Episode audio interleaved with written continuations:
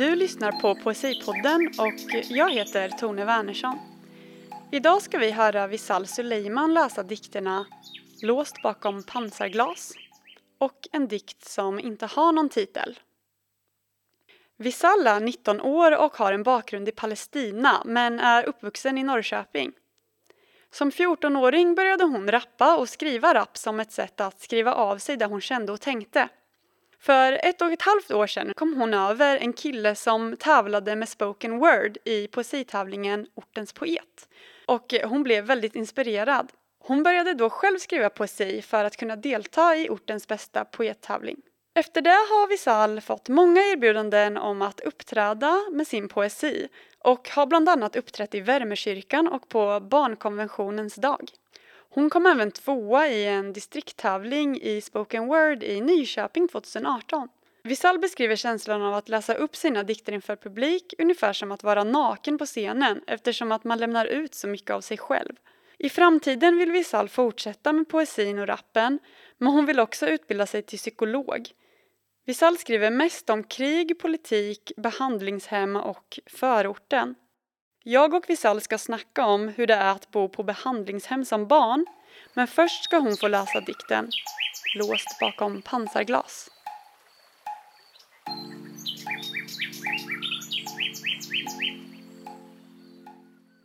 Hon är låst bakom pansarglas Fastlåst med alla dessa tankar. Det hörs hur det bankas. Ljudet hörs väl från de andra som sitter fast med henne. LVU sitter i en bur, de behandlas som djur. Jag finner inga ord, de kriminella som skapar mord och hot De behandlas som tama djur. De får jobba, tjäna pengar, sedan får de komma ut. Men SOS-barnen, de behandlas som vilda djur. De sitter på akut två månader, sedan får de komma ut. Nej, de ljuger, varför ljuger ni? Denna cirkel, ja den tar aldrig slut vilket orättvis domsbeslut de från fängelset får leva som på hotell medan sosbarnen får leva i en liten cell. Ångesten flickan haft varje kväll ensam i sin lilla cell. Nio månader, så sluta fucking gnäll! Och säkerheten med tre dörrar, allt flickan ser i rummet är kameror och ett fönster. Så hon tittar ut mitt på landsvägen men hon ser knappt motorvägen för den gröna rastgården är i vägen. En kamera i två hörn och de står och tittar på henne. Hon börjar känna sig iakttagen för personalen låtsas följa lagen. Men de bryr sig inte om flickan, de lämnar henne ensam hela dagen. Jag försöker sansa mig, jag blundar någon minut Samma stund hör jag flickans hjärta börja dunka Den ökar mer och mer av känslan att glömmas bort och att inte längre finnas kvar och själen den vandrar vilset djupt i den tjocka mörka dimman. Men det distraherar mig inte från hennes djupa andetag för hennes själ den har blivit alldeles för svag och idag tog den lilla flickan sitt sista andetag. Nu finns hon inte längre kvar och jag skyller på systemet som inte hjälpte till och gav henne någon tryggt ställe att ha. Så istället såg de på hennes misstag och gav inte henne chansen att få leva som ett barn. Och det värsta är att barnen är hopplösa på att vi inte finns intill och många människor tror att sådana som dem inte klarar av att leva utan våld. Men alla sitter inte där för denna påhittade lögn. Många har ju bara blivit utsatta för sånt men ändå låser vi in dem istället för att erbjuda dem våran hjälp. Vad betyder den här dikten för dig? Eh, den betyder mycket. Eftersom jag själv har suttit där liksom och sen att visa andra människor att det är inte okej okay, liksom att låsa. Jag var ju ganska ung, jag var 14 år så det är inte okej okay, liksom att göra så och ja. Så den betyder mycket för mig. Mm. Mm. Så flickan i den här mm. äh, dikten då, som är du, äh, verkar ha haft det väldigt tufft äh, på det här vårdhemmet. Tror du det är vanligt att man har den här upplevelsen av vårdhem? Det är jättevanligt. Alltså, eftersom jag har bott där ganska länge så har jag många vänner. Alltså jag har fler vänner som har bott på behandlingshem än liksom, ja, andra vänner från skolan eller som har haft liksom andra saker. I alla fall, och de har ju också upplevt liknande och det är jättemånga som har blivit utsatta för värre saker än jag liksom. Så det är jättetråkigt. Det finns jättemånga. Och det var därför liksom jag nämnde i slutet att många tror ju att de är så här, alltså inte klarar av att leva utan våld. Liksom. Att många tror att de är aggressiva eller håller på med droger men egentligen är det ju något annat. Folk liksom kan bo där för alla möjliga anledningar. Eh, hur, hur hanterar man som barn eh, att vara i en sån här pass utsatt situation? Mm, alltså just då som barn så hanterade jag det här med ilska. Jag liksom gick på varenda person jag eh, såg som jag inte kände för att det liksom alla kommer in och ska hälsa och sådär och jag känner ingen. Jag vet inte vart jag är, jag vet inte varför det är så här. Liksom, jag vet inte vad som kommer härnäst liksom.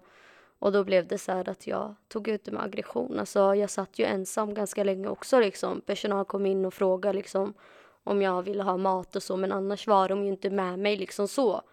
Och då blev det att jag hanterade det med liksom aggression. Och sen det fanns ju kameror i rummet.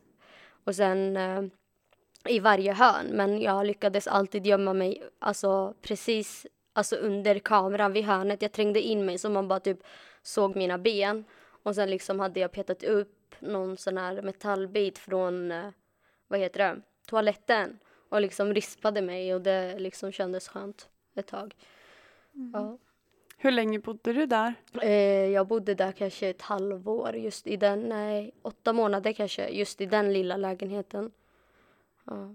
Ja, så det, var en liten lägenhet liksom? Mm, som lite som en, lika stort som det här rummet, liksom fyrkantigt och sen, ja. Mm. Med ett sovrum som var låst. Jag fick inte vara där eftersom de behövde ha tillsyn på mig och sen var det en toalett också. Mm.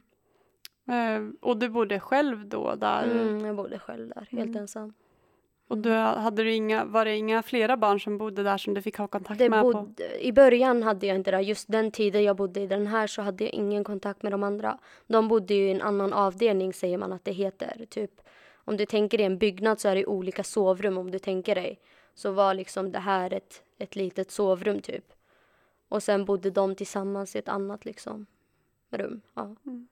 Varför, blev, varför fick inte du vara med dem? Eh, för att de upplevde mig skadlig för mig själv och för andra. Liksom. Ja. Eh, när man blir omhändertagen mm. enligt LVU, eh, mm. som innebär lagen med särskilda bestämmelser om vård av unga, ehm, får man veta vad man har för rättigheter då som barn? Nej, ingenting. Det är ingen som berättar det. Då. Alltså man kan ju ringa, eh, vad hette det nu igen? fanns något som man kunde ringa men det var ingen som sa till mig om det heller. Det var ju liksom senare fram jag fick reda på det av andra ungdomar. Men ingen sa det till mig i alla fall. Visste du om sedan tidigare att du hade några rättigheter eller så här, tänkte du bara att du var helt, eh, mm. uh, kände du dig liksom helt uh, vilsen och under jag, deras händer? Och... Ja, det gjorde jag. Jag visste inte alls liksom vad jag hade för, alltså, för rättigheter eller någonting. Jag visste ingenting.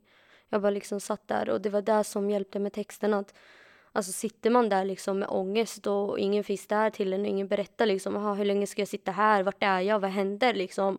Det var ju min första gång liksom, jag hade aldrig vetat om behandlingshem och vad det är och vad det innebär. Och det hjälpte ju mycket med texter att skriva av. Så.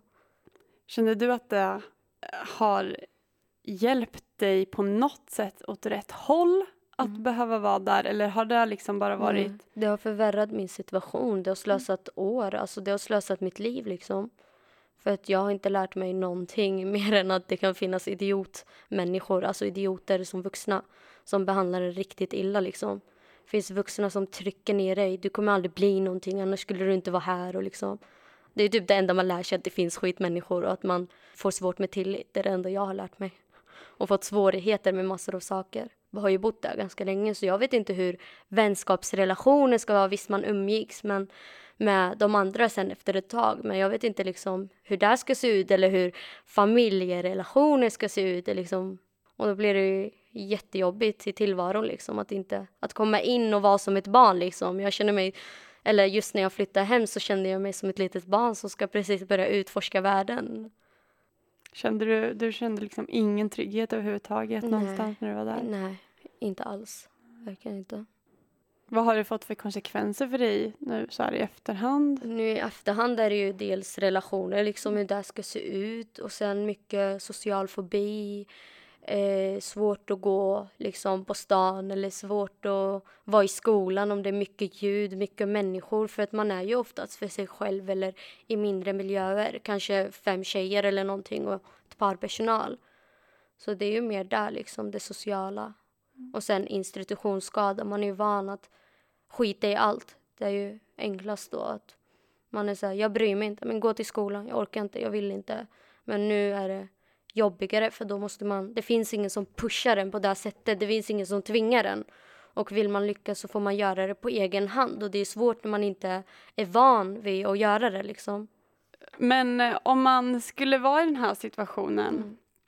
som barn, eh, som du har varit i, mm. eh, hur ska man tänka då? Man får försöka dels ta reda på vad man har för rättigheter och se till så att man har Alltså försöka hitta på något sätt, kanske advokat eller ringa till den här verksamheten då eller någonting som kan hjälpa en och berätta vilka rättigheter man har. Alltså någon, någon att vända sig till behöver man ju hitta liksom förstås.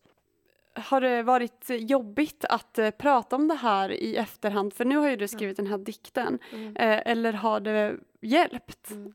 Alltså det har ju varit jobbigt för att man lär sig ju och stänga in sig när man är där. För att man litar ju inte på, som jag nämnde förut, det är svårt att lita på liksom människor så. Och sen när de behandlar en så, så blir det ännu svårare. Så man lär sig att låsa in saker. Så det har ju förstås varit svårt att öppna upp sig liksom och lite så här, ja, men hur kommer folk reagera på det här liksom? Kommer de se en som ett monster eller kommer de liksom, alltså försöka känna empati och sympati liksom? Så, men annars har det ju hjälpt att liksom öppna upp mig. För mina vänner dels liksom att då har de en förståelse varför jag liksom har varit frånvarande eller liksom varför jag kan reagera som jag gör. Så det har faktiskt både och. Det har hjälpt, eller det har, vad heter det, det har varit svårt att öppna upp sig men det har hjälpt. Tack så jättemycket Visal Suleiman ja. för att du har varit här idag. Ja, tack för att jag fick vara här. Mm. Tack så mycket. Nu ska vi få höra Visal läsa upp en dikt som inte har någon titel. Han leker kriminell och låtsas hata staten. Men han har inte testat hatet än. Han vet inte ens vad LVU innebär men ändå följer han trenden. Han fattar inte grejen, han är fortfarande ett barn. Han vet inte vem som är fienden och vem som är vännen. Han förlorar sig själv i gata och misär bara för att få status och känslan att leva utan besvär. Men lille grabb, vad händer när du fastnar i gatan helt pundad och hatad? Vad händer när din familj skäms ihjäl för deras son blivit förlorad och åtalad för mord? Vad händer när du står på tur? Vad händer när du inte längre har någon kvar förutom den så kallade bror som du vet att du snart måste betala tillbaks med pengarna som du aldrig kommer att ha? Vad händer nu när du står ensam kvar? Var det värt allt offrande du gav? Du var bara ett barn, men nu har du skulder som är tyngre än Lamborghinin du vill ha. Du har ingen förutom din syster som hjälper dig men du har sårat henne gång på gång för varje gång så går du tillbaks till samma folk. Vad händer nu när vi har kommit till den här dagen? Där jag ser din syster gråtandes springa ner för gatan. Där hennes puls ökar mer och mer för varje steg som hon tar. Och där hon krockar med var tredje person som går det motsatta hållet för hon har något på känn. Och det regnet som faller ner på hennes kind matchar hennes tårar väl. Vad händer nu när folket stannar till längre ner på gatan? Och där det blåljuset bländar i hennes ögon och där det blåljuset hörs där det sirenerna skjuter och där sirenerna skriker i hennes öron. Men trots detta distraheras hon inte från folkets ansiktsuttryck som ger henne mer och mer skräck om vad som väntar längre ner på gatan. Hon har något på känn, hon ångrat att hon har blivit din ovän. Men nu vet hon och hon vill inte ta farväl. Nu står hon bara där en mörk vinterkväll där hennes bror just lämnat sin själ. Nu står hon bara där, står och tittar på sin bror som just skjutits ihjäl. Nu står hon bara där, allt ljud stannade till och hon skrek högt. Snälla kan ni stoppa detta lidandet? Säg mig att skjuta varandra, är detta lösningen på allt? Säg mig, vem ger oss rätten att ta någon annans liv? Säg mig, är det värt att straffas en hel livstid för någonting som egentligen inte är ditt? Om du vill följa Visal så kan du hitta henne på Instagram under Visal Suleiman. W-I-S-A-L Visal S-U-L-E-I-M-A-N Suleiman. Vill du följa oss eller har du någon fråga? Då hittar ni oss på Instagram och Facebook under Poesipodden.